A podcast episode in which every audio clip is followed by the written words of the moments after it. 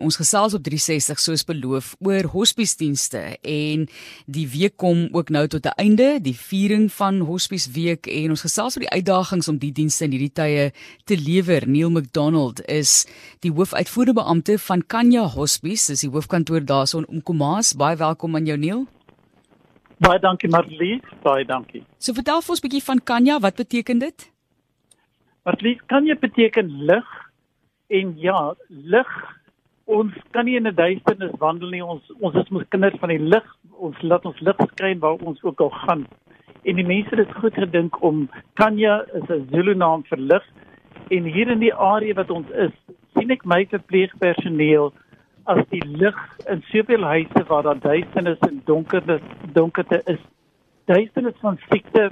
Mense is in duisternis gehul as hulle gediagnoseer word met 'n siekte veral die kanker siekte uh, waar ons baie in spesialiseer. As hulle in die huise kom, die mense, hulle is stom, hulle is verslaan. En skielik kom die hospice verpleegster daar aan en sy kom met nuus om vir hulle te sê ouens, dis nie die einde van die pad nie. Ons gaan die pad saam met julle stap en weet julle wat, daar is mense wat beter word. Daar is lig aan die einde van die tonnel. En verpleegdag word ook die 12de gevier, né? Ja, dis internasionale verpleegstersdag is Woensdag en verlede week was hospice week. En die hele doel is 'n bewusmaking wat mense, ek het baie agtergekom hulle fluister so agterlaat as jy praat van hospice. Maar dit is regtig nie nodig nie. Ons is heeltemal oop en ons kan mense vertel wat ons doen. Watter area dien julle spesifiek as Kanya Hospice? Weet jy ons het 'n area so 100 km basies van Atlant Park of dis die Touty area tot by Hewerdien, dis so 100 km. Jy weet daar's verskillende hospices. Daar's die een in Durban, die een in Werland en dan aan die suidkus, Pietermaritzburg so eh, verskillende dele laat ou nie so ver hoef te ry nie. Ja. So gee van net 'n idee van as mense nou nie weet nie, wat doen julle? Wat is die rol van die verpleegers in mense se lewens? Jy ons sê altyd vir mense, sodra hulle gediagnoseer word met 'n siekte, dan kan hulle ons bel. Dan dit gee ons 'n kans om assessering te doen en dan kan ons sien waar is daar tekorte. Mense het nie nodig om pyn te hê nie. Uh hulle het nie nodig om om bang te wees nie. Want jy weet mense is maar altyd bang vir vir die onbekende. En my personeel is baie opgelei in palliatiewe sorg en hulle kan vir die personeel, ag hulle kan vir die pasiënt mooi verduidelik wat gaan wat kan jy verwag? Wat kan dalk gebeur? Want jy weet elkeen is individu, elkeen ervaar die siekte as iets anders. En dan loop ons ook op pad met die familie van die uh, pasiënt. Want jy weet selfs die familie het nodig om te weet wat aangaan want hulle is ook verslae.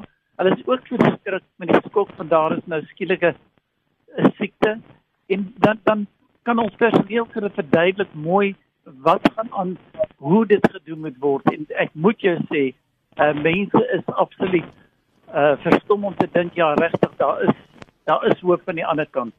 Daar is mense wat wil help, né, nee? maar daardie ja, mense moet ja. ook op 'n manier befonds word. Dis een van die hoofredes hoekom ons met jou gesels Neil, is die ja. groot uitdaging vir 'n plek soos Hospice om nog op die bene te staan en te kan funksioneer sonder daardie inkoop of kan ons maar sê betaling en ondersteuning ja. finansiëel van owerhede. Weet jy ons kry geen staatshulp nie. Maar ek en my personeel in die oggend So by 8:00 dan roep ons by mekaar, ons vat hande en ons bid en ons vra die Here vir ons te voorsien. En weet jy, hy is Jehovah Jireh, die Here wat vir ons voorsien. En bo natuurlik, ek kan nie vir jou sê nie ons staan verstom want ons weet dis maar net hy en hy alleen wat ons voorsien. Daar's mense wat kom en hulle sê hoorie, hier's 'n 100 rand, daar's 1000 rand.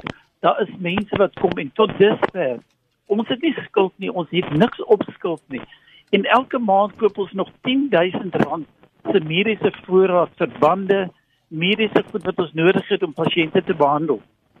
So voorsien die Here vir ons, weet jy? En ja, ons is baie dankbaar vir elkeen wat vir ons gee. Ons kyk nie na die of dit die, die die bedrag of dit 10 rand is of 100 en of dit 1000 rand is nie. Maar daar is mense wat nog ons pad langs kom. Maar natuurlik ons het 3 hospice winkels wat mense vir ons goed skenk wat hulle nie meer wil gebruik nie te klein is, te groot is of nie meer nodig het nie. En daai goed verkoop ons en dit befonds so 80% van ons inkomste wat ons werklik maandeliks nodig het. Die res moet ons maar op een of ander wyse kry.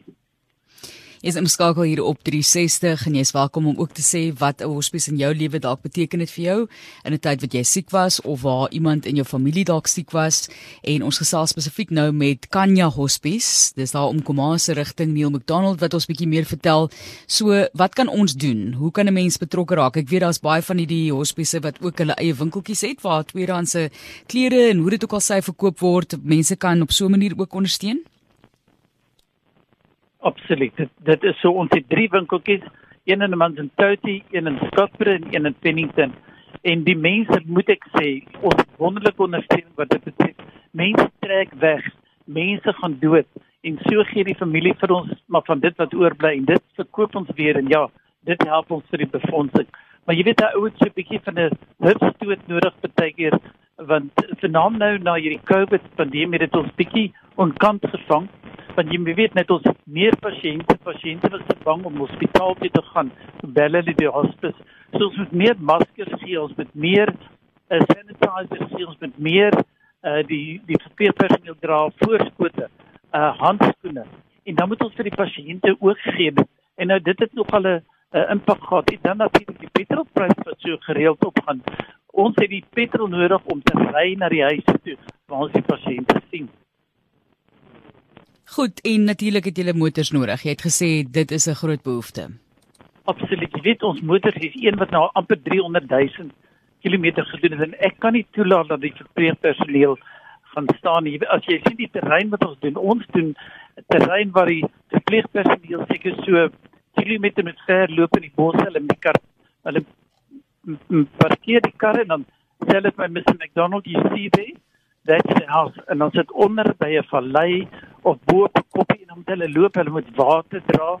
Al die huise het nie water nie. Hulle moet 'n handdoek vat want hulle het die pasiënt van uh, wat dan met hulle vir hulle self handdoeke en vir die pasiënt. En baie keer moet hulle kos ook vat want hier waar ons is is nog redelik armoede ook in hierdie hierdie gedeelte. Ons sê vir baie dankie vir die werk wat julle ook doen Neil. Mense kan julle kontak as hulle julle benodig of as hulle 'n bydrae wil maak daaroor. Ja, hulle kan dit doen. Uh, moet ek die nommer gee? Asseblief ja, gee e-pos. Ek weet jy het jou e-posadres ook beskikbaar, maar nommer as jy ja. wil. 083 597 8985. 083 597 8985. Baie dankie Niels, waardeer dit, hoor. Dankie Marlies, dankie. Dit is ook hospice in Engels, hospice by Kanya hospice.co.za so H O S P I C E by Kanya K H A N A A K H A N A A en dan weer Engelse hospice.co.za maar sy nommer 083 597 8985 083 597 8985 Dankie aan al die mense wat betrokke is by hospice in Suid-Afrika